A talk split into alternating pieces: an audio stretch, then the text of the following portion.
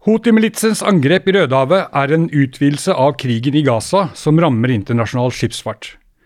For mange har for lenge oversett denne delen av Midtøsten, og undervurdert styrken til houthiene som har erfaring fra et tiår med borgerkrig.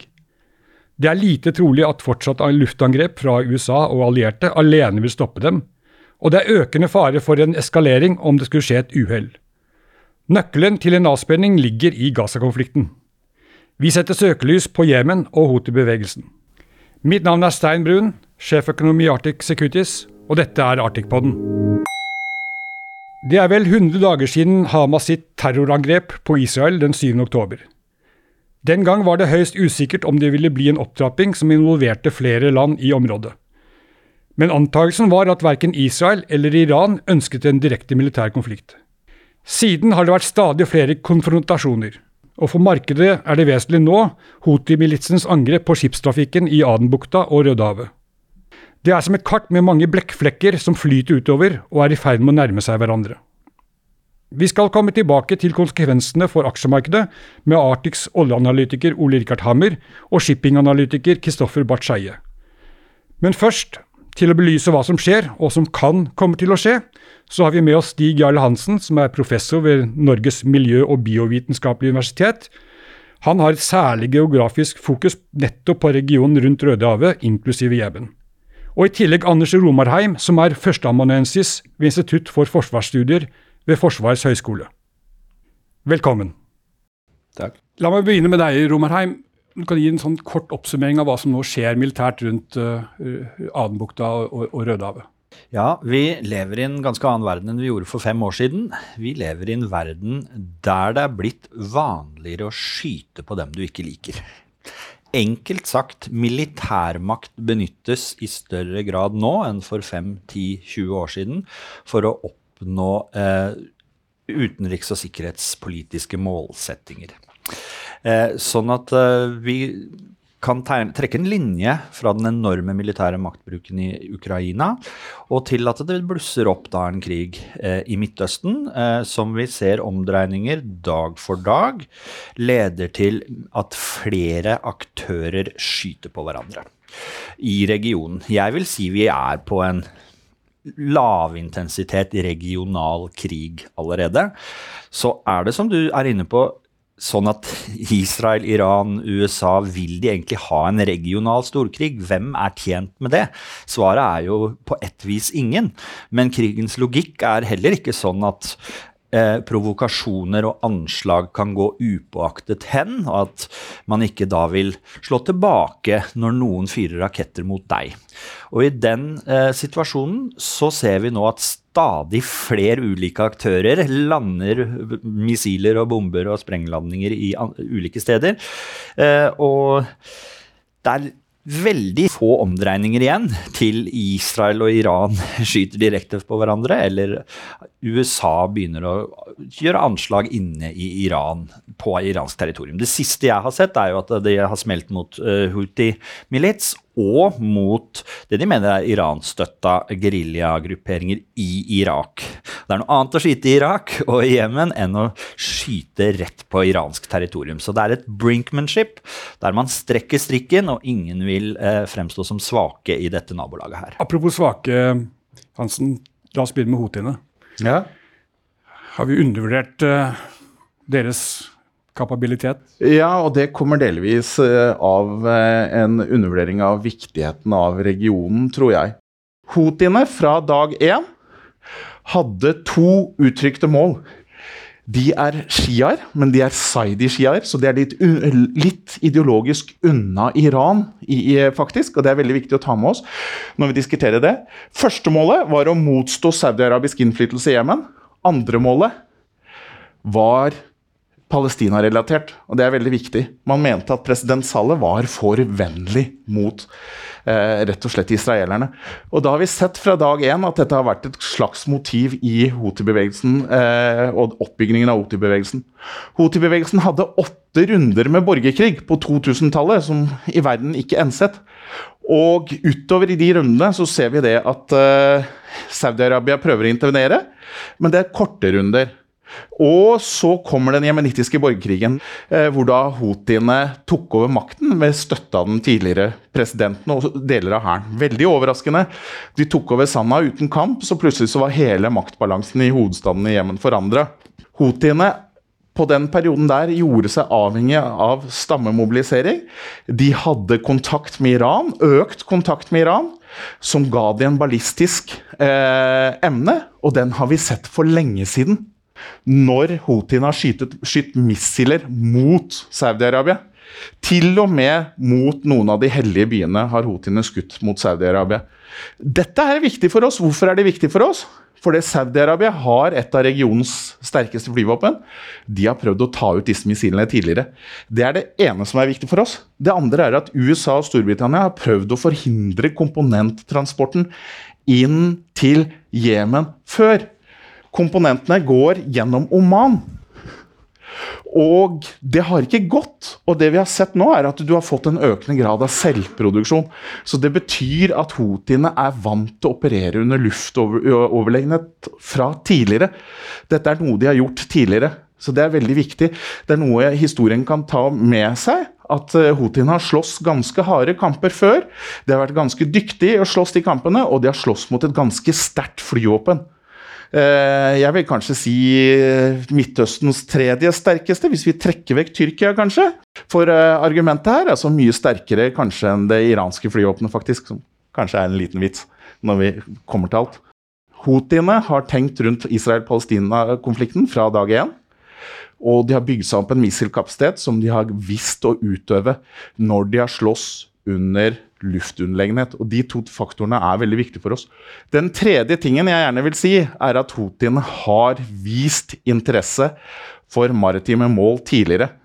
For ett og to år siden så har de tatt emiratiske skip. Emiratene involverte seg ganske tungt i kamphandlingene. Men da har det vært veldig eh, lokale mål i forhold til den jemenittiske borgerkrigen man har fokusert på. Romer, denne erfaringen som houthiene har, det gjør kanskje at de kan motstå disse eh, angrepene fra amerikanerne og, og britene? Ja, det er ikke noe tvil om at det her er en uh, milits som har betydelig militær uh, kapabilitet. Og jeg er, følger Stig Jarles argumentasjon helt. De ble neglisjert. 2000-tallet var krigen mot terror. Da var det så mye annet som foregikk i regionen, da særlig krigen i Irak fra 2003. Sånn at dette blei oversett og neglisjert. Og så kan man på et vis forstå det, men det er en grense for hvor lenge du kan gjøre det eh, før et lite problem vokser seg større. Eh, og vi ser jo med alle militser og geriljabevegelser eh, hvor avgjørende operativ kamperfaring er. Det, er. det er ikke så lett å slåss mot militære overlegne eh, statlige aktører. Vi snakker jo om amerikanske flåten her som ligger ute der med en gigaslagkraft hvis det først eh, trengs. Så da er battle hardened veterans det du trenger, og den typen taktiske komponenter som du beskriver, der du kan motstå eh, særlig en eh, overlegen luftmotstander. For det, USA er er her, og skyter du mot amerikanske skip, så trenger det ikke ta så lang tid før du får et, eh, en enorm slagkraft tilbake. Jarle. Jeg er helt enig med Anders. altså Krigen mot terror tok litt uh, oppmerksomheten vekk fra dette her. Men her legger det noe vi kanskje har blitt flinkere til i dag. Her ligger det ren geopolitikk. Det er ikke vanskelig for oss som ser litt dypere inn til konteksten, at dette er et kjempeviktig område. Det er bare å se på handelstall. Men tross denne militære kapabiliteten som da USA har der i området, så har jo disse angrepene tross alt vært ganske begrenset. Ja, eh, det, det stemmer. Eh, og i det ligger deler av det åpningspoenget mitt med brinkmanship. Eh, hvis det skal bli en eskalering av, eh, til en regional krig eller storkrig, så ønsker man ikke å ha skylda for det. Eh, vi har allerede slått fast at det, spør du Iran, Israel eller USA, så, så, tror vi ikke noen av de sier at de er tjent med en regional storkonflikt eh, der du får stat-til-stat-krigføring på en annen måte enn det vi ser foreløpig.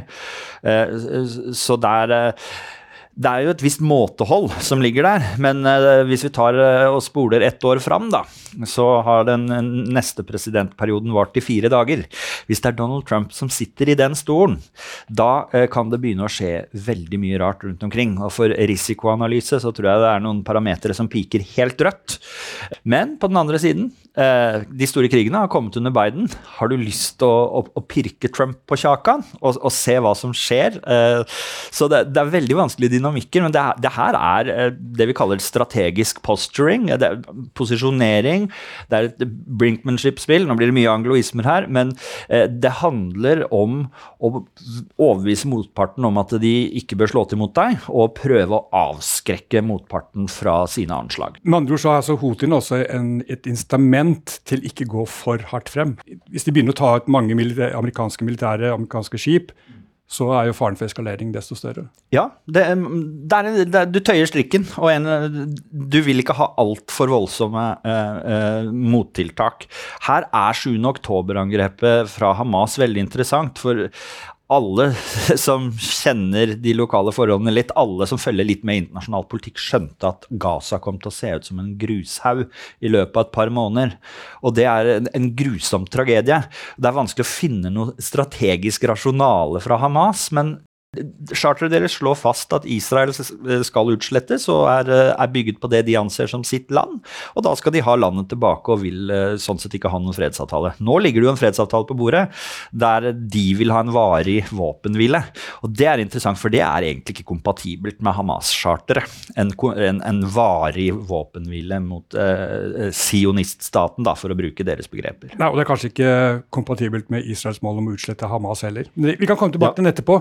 men apropos mål, eh, Stig Arle. Hva er, hva er egentlig hotines mål? Eh, jeg tror det er en del sideeffekter, og så er det en del hovedeffekter. Altså, Jeg har ingen rimelig grunn til å ikke anta at Houthiens mål er faktisk det de sier. De vil ha en eller annen form for løsning på det som skjer i Gaza.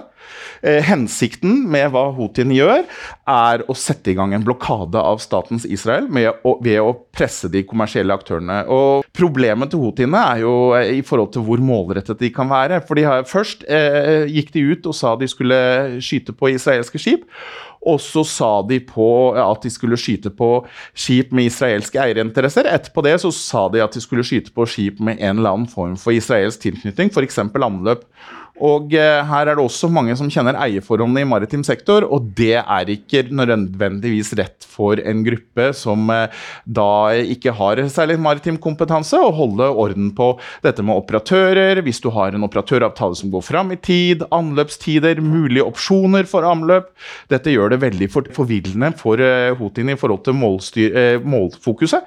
Og det har vi sett, at de, de, de skyter jo litt her og der. Og det gir enda en utfordring for houthiene i forhold til eskalering, som vi kanskje ikke har snakket om her. Houthiene har en del land her i verden som de ikke er gode venner med, men som de ikke er uvenner med heller. Sånn som India. 30% av indisk eksport løper gjennom her. Så dette er strategisk viktig for India. India er en kommende stormakt, hvis ikke det er en stormakt allerede. De kommer til å bli sterkere, hvis vi ser på prognosene. Så det er kanskje en aktør eh, Houthiene ikke ønsker å gjøre seg uvenner med. Og der har vi sett at kanskje Houthiene har gjort tabber. Kanskje de har skutt på et, i hvert fall ett skip med indiske eierinteresser i. Så her er det sånn at Houthiene må trå varsomt. Men det vi skal være veldig klar over så langt, det er at houthiene også har et eskaleringspotensial. Så langt er det brukt ganske primitive våpensystemer her. De treffer noen gang veldig feil. Eh, de har veldig ofte ikke store stridshoder. Noen av dronene vi ser her, er rett og slett hjemlagd etter iransk modell. Houthiene har mer kapable våpensystemer mot skip, inkludert iranske kopier av kinesiske skips-til-skip-missiler, og de har vi ikke sett i bruk. Så det er et eskaleringspotensial. Det er også helt klart at houthiene har ikke gått så langt som de faktisk kunne gått i denne konflikten her. Og dette er et geografisk eh, begrensa område. Vi skal ha med oss de kanskje lave tapstallene så langt. Det kan hende andre har eh, andre tall enn meg. Så vidt jeg vet, så er det snakk om seks til ti skadede i denne konflikten her. Men så skal vi ha med oss en ting til. Det er at hotiene ikke nødvendigvis trenger å skade skip for å skape den nødvendige effekten. De trenger å skape frykt. Hva skjer når du skaper frykt? Én, forsikringspremiene går opp. To, du legger ruten din rundt Afrika. Tre, du går faktisk inn og forhandler eh, fra organisasjonen din med houthiene. Alle de tre opsjonene styrker houthiene, også fordi en runde rundt Afrika Økte forsikringspremier kan presse inflasjon og energipriser oppover. Og det vet verden. Så houthiene trenger ikke nødvendigvis å direkte ramme og skade skipene for å skape den frykten som faktisk hjelper houthiene på veien. Anders? Det er veldig gode poenger der, Stig Arle. Eh, nå er du godt i gang. Og, ja. og det er eh, et, et, eh, sitat fra Hillary Clinton når hun var utenriksminister, som også illustrerer denne tematikken. If you have rattlesnakes in your backyard, you can't expect them to only bite your neighbors. Dette er et problem for alle. og Minus Iran, da, selvfølgelig. men, men houthiene utgjør et problem. og hva trigger en Trump-administrasjon, eh, hvis vi nå ser framover i tid, til å gjøre noe? Altså, eh, Fri ferdsel til havs, handel det, det, det, står altså veldig høyt i hierarkiet til eh, Donald Trump. Høyere enn andre eh, eh amerikanske presidenter vektlegger han en transaksjonell tilnærming til utenrikspolitikken med over, tung overvekt på handel sammenligna med andre. Nettopp derfor har det kanskje ikke vært så mange utenrikspolitiske, sikkerhetspolitiske eventyr og prosjekter. Trump starta ikke nye kriger. Dette er en konflikt der jeg tror Trump vil respondere hardere enn det Biden-administrasjonen har gjort. Jeg tror bare det er et spørsmål om tid. Nå, nå skal Trump feie unna Nikki Haley, få henne uh, ut til siden. Uh, det kan ta noen uker, men alle skjønner hvor det stort sett ender. Så skal han begynne å skyte på Biden. Han kommer til å gå løs på Ukraina-håndteringen, og han kommer til å si at Biden har vist svakhet i regionen, akkurat de uh, områdene vi snakker om her, og sånn sett uh, invitert uh, på et vis provokasjoner og anslag fra militser rundbaut og gått fra ansvaret til å beskytte Israel, det står veldig høyt i Washington DC. Stig Arle? Dette landet, i forhold til bakkeoperasjoner, er et slags Afghanistan. Her har historisk så ottomanske imperiet prøvd å ta det. Det gikk dårlig. Eh, Egypt har prøvd å ta det. Det gikk dårlig. Det kan faktisk hende at det gikk så dårlig at det bidro til det egyptiske nederlaget mot Israel i 67. Så dårlig gikk det. Så hvis man går til en tung bakkeintervensjon her, så ser man for seg en veldig langvarig konflikt. Og det tror jeg en del av amerikanerne er klar over, også på republikansk side. Går man inn med raid, og det kan godt hende at det har vært amerikanske spesialstyrker i forhold til rettledningen av ildgiving nå. Så er jeg ikke sikker på om du vil frata Houthiene kapasitet. Og det har med Oman å gjøre, og det har med, litt med Saudi-Arabia å gjøre. Tidligere har Putin vært utsatt for boikott. Amerikanerne har prøvd å implementere den boikotten. Åkke som har missilkomponenter kommet gjennom Oman. Så Det har vært veldig vanskelig for Amerika og Storbritannia når de har prøvd å gå inn for å kontrollere forsyningen til Houthiene tidligere. Det er én ting til jeg vil bare bringe opp, og det er en stor misforståelse i forhold til Houthi-bevegelsen. Det er en stor tabbe å se på Houthi-bevegelsen som bare en nikkedokke for Iran. Det er en misforståelse. Hvis du ser på områdeekspertene, så er det eh, også Innen FN-systemet i forhold til embargosystemet så er det en stor enighet. Fram til 2014 så var det relativt lite støtte fra iransk side. Nå er det iransk etterretning, missilkomponenter, men dette er en organisasjon som er vanskelig å styre også for Iran. Det er det ikke tvil om. Og det skaper jo litt eskaleringspotensial som vi kanskje ikke er klar over, f.eks. Men, men Iran ser så tjent med at de holder på? Iran har mye å tape, og egentlig er kapasitetsmessig ganske svake. Samtidig som iransk infrastruktur er så utbygd at det er alvorlig hvis du faktisk får det bomba. Så Iran er faktisk lettere å presse, vil jeg si, enn kanskje Houthien er. Anders? Vi gikk fra å ha det jeg mener var det beste forholdet mellom Iran og Vesten siden shahens fall under Obama, en oppmykning. Netanyahu var statsminister den gangen òg. Han hata det. Dette var på tvers av Israels interesser og påtrykk på Bush-administrasjonen, nei, Obama-administrasjonen. Og så kommer Trump inn og kaster den av, avtalen vekk, og nå er vi på en måte bare noen omdreininger unna eh, krig eh, med Iran og lokale eh, grupperinger. Eh, det er jo allerede en krig, men altså stat-til-stat-krig, Israel, Iran, USA, er ikke en, et utenkelig scenario lenger. Houthiene er en organisasjon som har vært i strid nå siden 2014-2015. Det spørs hvordan du definerer åpningen på eh, borgerkrigen. Eh, og det har vært en organisasjon som de første ti årene av dette årtusenet også hadde åtte runder av borgerkrig, og de greide seg ganske bra. altså De har blitt undervurdert om og om igjen, og nå tror jeg faktisk amerikanerne undervurderer det igjen. Ja, Saudi-Arabia måtte jo trekke seg ut og inngikk en fredsavtale. Ja, og på tross av kanskje at de hadde Emiratene også inne på sin side, selv om det ikke alltid stemte helt uh, i forhold til forholdet mellom de to landene. Og litt eh, amerikansk teknologi og utstyr. Absolutt. Eh, som jeg sa tidligere, Saudi-Arabia har et veldig godt flyvåpen. Men uh, houthiene greide å skyte missiler allikevel. Så det, det, du sier, er at houthiene kan egentlig holde ut ganske lenge og opprettholde dette presset? Det tror jeg. Det er ett motargument som jeg har sett figurerer i amerikanske militære kretser. Og det er at nå trenger man bare å ta ut missilkapasiteten.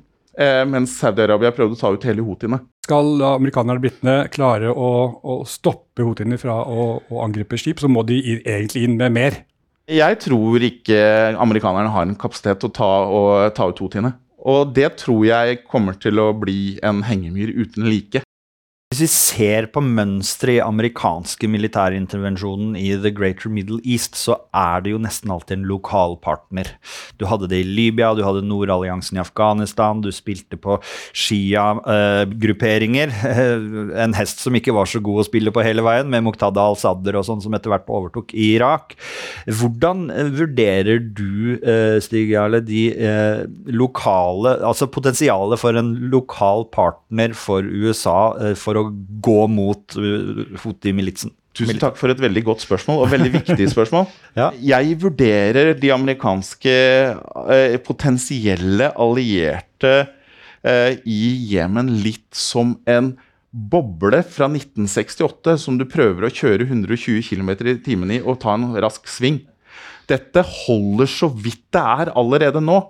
Altså, Vi som har fulgt med på Jemen, vi har kanskje venta at den alliansen skal falle sammen på bakken i Jemen, så er det også sånn at Palestina-konflikten bidrar til houtienes rekruttering. Så Der har du en egeninteresse hos houthi-bevegelsen. Vet du hva det viser meg også? Det viser at det er litt farlig for noen av motstanderne til Houthi å gå veldig sterkt ut på banen i denne konflikten. Så lenge de har en konflikt mot houthiene som dreier seg om Jemen, så er dette en lett match for dem. I det øyeblikket du inn, bringer inn Palestina-konflikten, så blir dette mye hardere. Og jeg tror noe av det samme kan vi se på Saudi-Arabia. Saudi-Arabia fikk seg en smell i Jemen, det er ikke noe tvil om det. Jeg tror de er kjempelei av hele konflikten. De vil ut. Og det vil Emiratene òg. De har ikke lyst til å være med på den konflikten. Og det kan kanskje forklare hvor en del, ikke alt, men en del av forsiktigheten vi faktisk ser eh, som kommer fra Saudi-Arabia i dette tilfellet her. Jeg tror ikke Saudi-Arabia er interessert i en eskalering i Jemen.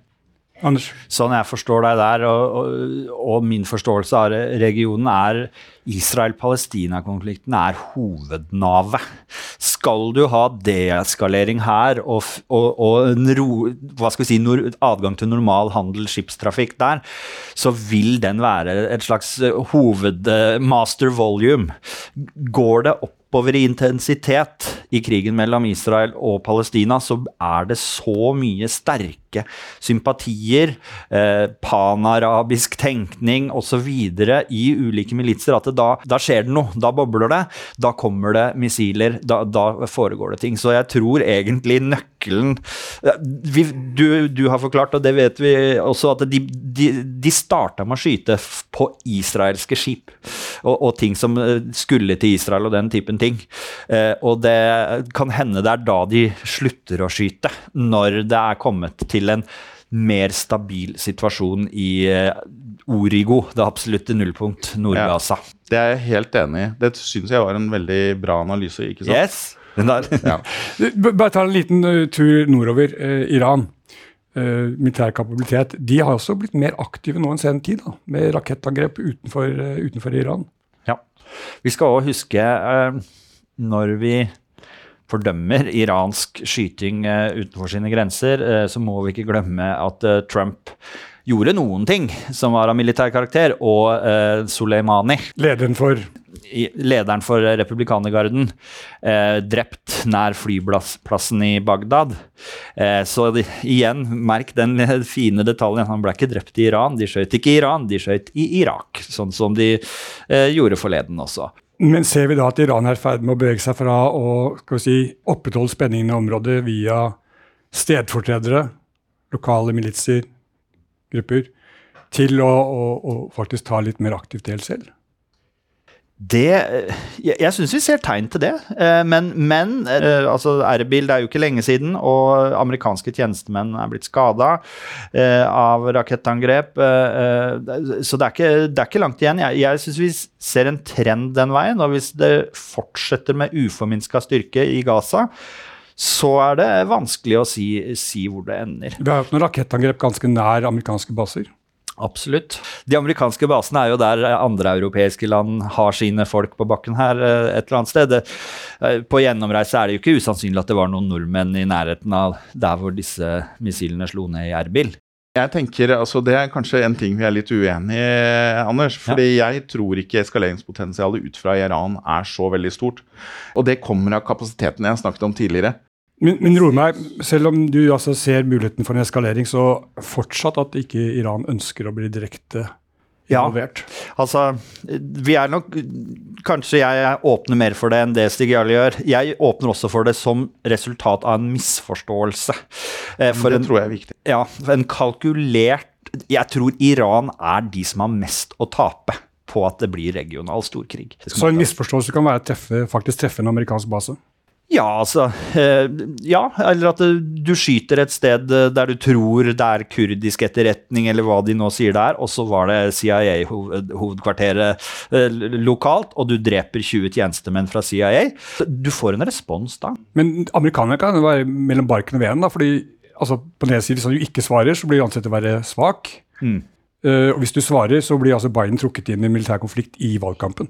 Ja, det, det har du rett i. Eh, hvordan de eh, håndterer det og diskonterer eh, rundt den typen risiko, det er vanskelig å si.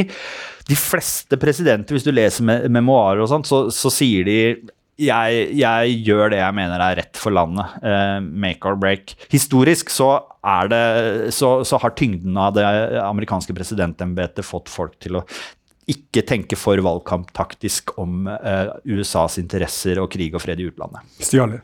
Nei, jeg vil, eh, jeg vil si det at jeg åpner jo, som eh, Anders gjør, for en slags eskaleringsulykke her i, i forhold til Iran. Men jeg tror det er litt sannsynlig pga. kommandolinjene internt i Iran. Jeg tror dette kommer til å eh, fungere. Men hvis Putin angriper militærbase, amerikansk militærbase i Djibouti, da har ikke Biden noe valg.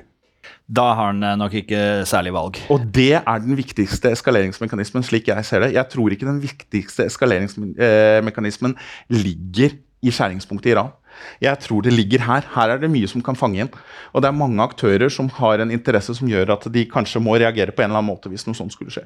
Ikke bare i USA. Og da kommer også logikken fra krigen mot terror inn. Hvis du finansierer en terrorist, og den terroristen angriper meg, så er det ikke sikkert at jeg kommer til å bare si ja, det var houthiene. Hvis du- alle veit Iran er en fasilitator, og da er spørsmålet hvor mye du går etter houthiene, og hvor mye du konfronterer Iran eh, med milde militære eh, motangrep, eller eh, noe litt større. Det er ikke, det er ikke utenkelig. Er, eh, ingen vil det, men det er ikke utenkelig eh, at det slag i slag eh, beveger seg oppover. Men, men, Mot gitt, et irrasjonelt. gitt da at Iran ikke ønsker å bli mer involvert direkte, så kanskje vi skal nedtone andre, den store, uh, stygge eh, faren for uh, worst case på markedet. Sånn, det er jo et- det er Hormuzstredet.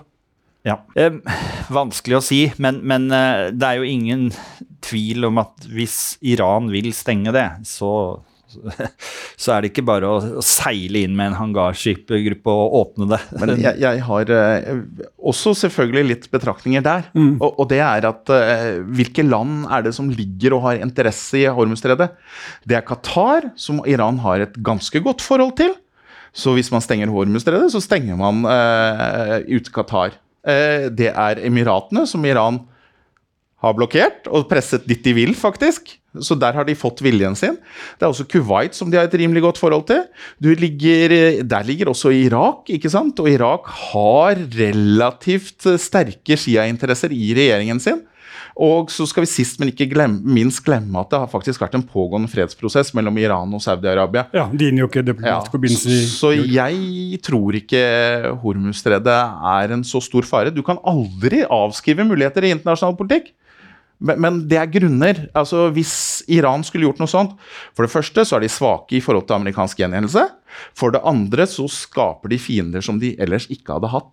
Mm. Men vi, la oss oppsummere litt. Jemen-situasjonen, eh, potensielle angrep på skipsfarten i eh, Adenbukta, Rødehavet. Varigheten av det avhenger av hva som skjer i Gaza. Ja, det vil jeg si. Ja, det vil jeg også si. Og nå er det kommet både freds, altså forslag om våpenstillstand, både fra amerikansk side og fra israelernes side, eh, fangeutveksling osv. Men det eh, jeg å si, altså Fangeutveksling, da mister jo Hamas sitt viktigste våpen. Så det er vanskelig å se for seg noen snarlig løsning der som ikke også er politisk. Når det gjelder eh, gisler, så har jo Hamas løslatt gisler mot våpenhvile før. Så det er ikke utenkelig. Og i det som foregår nå, så er gisseltakingen til Hamas det mest terroristaktige de gjør. Det, det, andre kan du definere som krigsforbrytelse eller et eller annet, men det å ta unger, småbarn, bestemødre. Holde dem i 100 dager pluss i fangenskap. Det, Reine sivile, det er ikke krigføring. Det er terrorisme. Mm. Og det Hamas kanskje enser, er jo at det, til og med i USA er det jo på campuser på amerikanske universiteter og rundt omkring i verden, så, så er det veldig opp opprør mot eh, Eller opprør er feil ord, men eh, oppstandelse og misnøye med Israels voldsomme krigføring. Dette sier jo til og med Anthony Blinken offentlig når han reiser i regionen. Vi må få litt mer eh, Vi må finne måter å få bukt med de voldsomme menneskelige lidelsene som eh, befolkningen på Gaza påføres. Så eh, som en del av et hva skal vi si, diplomatisk spill for å bedre internasjonal opinion for seg selv, så to måneder mot alle gislene. Jeg syns Hamas burde ta det tilbudet. Jeg syns faktisk det er et bra tilbud fra israelsk side. Eh, for å få eh, befolkningen i Gaza til å slutte å lide, og alle gislene hjem, så kan du ha en mer militær konfrontasjon Kanskje de ikke begynner å skyte på hverandre. For da har du to måneder. Da har du de to månedene som diplomatene trenger til å sette i gang forhandlinger. og Nå er det vel Qatar er tungt inne i forhandlingene og, og, mange ulike spor. Da, da, har du to måneder der de slutter å skyte. Da er det diplomatiet virkelig kan eh, gå på uh, i høygir og kanskje finne en måte til at de ikke begynner å skyte igjen. Det er vanskelig å se for seg noen de, vesentlig deskalering på kort sikt det ser ganske mørkt ut, men, men uh, som sagt, det, freds, uh, den, det våpenhvileforslaget til Israel, det, det, håper jeg blir noe av. Alt, alltid bra når man snakker sammen. Ja, og, og, det blir bedre for begge parter. Det blir bedre for begge parter. Uh, det er Tidvis fremstår det som en håpløs situasjon, det, og det ser mørkt ut, men, men man skal alltid leite etter det lille glimmeret av håp til at det kan bli bedre. Takk skal dere ha. Det er som vi har hørt eh, høyst usikkert hvor langvarig Houthi-militsens trussel mot skipstrafikken eh, blir. Det avhenger av hva som skjer i Gaza. Samtidig så er det fortsatt liten tro på at Iran blir direkte eh, involvert i en militær konflikt. Det siste betyr vel at worst case for oljemarkedet er, ikke er til stede, Ole Rikard? Det er riktig. Eh, oljemarkedet har tatt et relativt avslappet i anførselstegn syn på, på dette. Eh, oljeprisen er lavere nå, klart, enn det den var 7.10, da det hele startet. Uh, og jeg tror det reflekterer at oljemarkedet, dagens oljemarked er langt mer fleksibelt enn det det har vært tidligere. Vi har flere store produsenter som det er alternativer, så det skal mer til å sette ting ut av spill. Jeg tror markedet ser at hvis Iran skulle altså, blokkere Hormuz, gjøre en worst case scenario, så vil nok USA bli mye mer direkte involvert umiddelbart. Det tror jeg alle parter ser. Uh, og vi ser at vestlige regjeringer har ønsket å anstrenge seg klart for å hindre oljeprissjokk.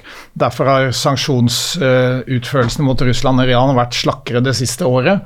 Og, og det man har tilført av strategiske reserver. Så det er en sum av ting her som gjør at uh, oljemarkedet foreløpig Oljemarkedet må se en faktisk uh, avbrekk av fysiske forsyninger før de reagerer vesentlig, uh, alt annet like. Ja, Så noen risikopremie er ikke i oljeprisen? Nei, det, det, kan vi ikke si. det. Nei, men hva hvis da vi får en løsning i Gaza? Kan vi få en negativ risikopremie?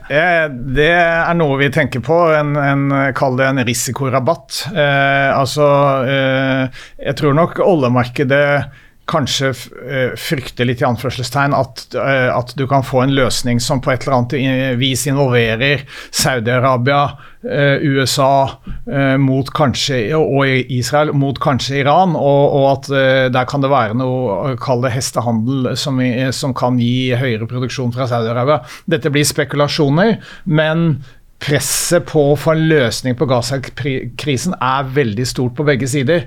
Og man kan få ting som i hvert fall kortvarig kan, kan få en effekt også nedover på oljeprisen. En slags risikorabatt i, i, en, i, en, periode. Hvis ting roer seg ned og, og markedet ser det som, som, på en måte bærekraftig. Ja, så Foreløpig så disse to faktorene kan på en måte oppveie hverandre. og ja, Oljeprisen ligner rundt 80 dollar. Jeg, jeg, jeg tror det er riktig eh, foreløpig. ja. Kristoffer, rundt 10% av uh, global sjøveistransport av varer går gjennom Suezkanalen. Uh, for enkelte uh, sektorer så er det enda høyere, 20% for container. når mer av transporten nå må gå rundt Afrika, så har vel fraktratene gått i været? Ja, første effekt var synlig allerede i desember eh, på container, hvor disse største operatørene, sånn som Mersk, Sim, MSC, valgte å sende skipene rundt eh, Afrika istedenfor gjennom kanalen. Det man har sett den siste uken, det er at produkttank har blitt påvirket. 18% ehm, av produkttankvolum går gjennom kanalen i utgangspunktet, sånn at det er en ganske stor tonnmileffekt skulle du få full reruting. Ikke det at eh, det er sannsynlig med full reruting, fordi mange av skipene som går gjennom, er russiske, og skip som er eid av redere fra Midtøsten, sånn at de er nok mer beskyttet. Men uansett så har det påvirket ratene voldsomt. Så ser du på de største skipene nå, LR2, så tjener de rundt 100 000 dollar dagen nå. Og MR, altså litt mer arbeidshester, tjener rundt 50 000 dollar dagen. For uh, Hafnia, som er det relevante produkttankrederiet i, uh, i Norge, så vil jo disse ratene som jeg nevner, implisere at aksjen handler på en eh, to ganger inntjening på et run-rate-nivå. Eh, Naven er nå 83 kroner, eh, så den handler tett opp mot Nav. Men skulle dette vedvare ut 2024, så kommer de til å bygge Naven med 54% opp til 128 kroner. Så, det er betydelige inntjeninger. Så Du sier at uh, det er særlig tankmarkedet hvor vi ser store effekter på, på ratene? Ja, og det er der vi i utgangspunktet er positive eh, altså før uroligheter også. Eh, mens container er litt mer ubehagelig situasjon med høy ordrebok og, og lav underliggende etterspørsel, så eh, liker vi bakteppet i utgangspunktet på tank. Og når du får en slik situasjon på toppen av det hele, så så er det positivt. Men uh, man har ikke sett uh, samme effekt på råoljefrakta. Det kan jo Ole Rikard også Har du sett noe effekt på råoljefrakten? I, I, liten grad. Uh, VLCC-markedet er jo faktisk noe slakkere. Uh, det reflekterer jo at uh, produkt og råle er litt i forskjellige sesongmessige sykler. Og også at rålemarkedet er mye mer avhengig av Kina Eh, Kina er på, fortsatt på et hvileskjær etter at de hadde ekstremt høy import i fjor, og, og har eh, litt eh, som du vet, utfordring med den økonomiske veksten, har valgt å trekke ned på lager osv. Så, videre. så det henger litt. Du har, det er foreløpig ikke, ikke den samme dynamikken i, inn mot uh, råletankerne, men, men uh, vi tror jo at det som skjer på produkt, er en varselklokke for hva som kommer til å skje på, på roller, fordi at det blir betydelige effekter uh, der også, gitt at denne situasjonen setter seg Eh, en stund til, i hvert fall. Har du gjort noe med anslagene deres? Nei, vi har ikke gjort noe med det ennå. Det er litt, uh, litt tidlig. Men, men, det er jo, som jeg nevnte med Hafnia, på rundrate-nivå to ganger inntjening, mens på våre estimater så er det fem ganger inntjening for eh, 2024. Så skulle dette fortsette videre, så må jo estimater eh, opp, helt klart. Ja, Men, men foreløpig, du er jo positiv på en del shippingsektorer, og, og det fundamentale bildet der som står seg godt uavhengig av hva som skjer i området. Absolutt. Takk. This podcast has been prepared by Arctic for information purposes only. The information, opinions, and recommendations presented in this podcast are for general information only, and any reliance on the information provided in this podcast is done at your own risk. This podcast should not be considered professional advice. The information provided in this podcast is not intended to constitute investment advice, nor is the information intended as an offer or solicitation for the purchase or sale of any financial instrument. Relevant and specific professional advice should always be obtained before making any investment or credit decision. It is important to note that past performance is not indicative of future results. This podcast does not fulfill the criteria for preparing investment research and must be seen as marketing material. All information submitted during this podcast is obtained from public sources that Arctic believes to be reliable, but which Arctic has not independently verified. Arctic makes no guarantee, representation, or warranty as to its accuracy or completeness. No liability whatsoever is accepted for any direct or indirect, including consequential, loss or expense arising from the use of information from this podcast.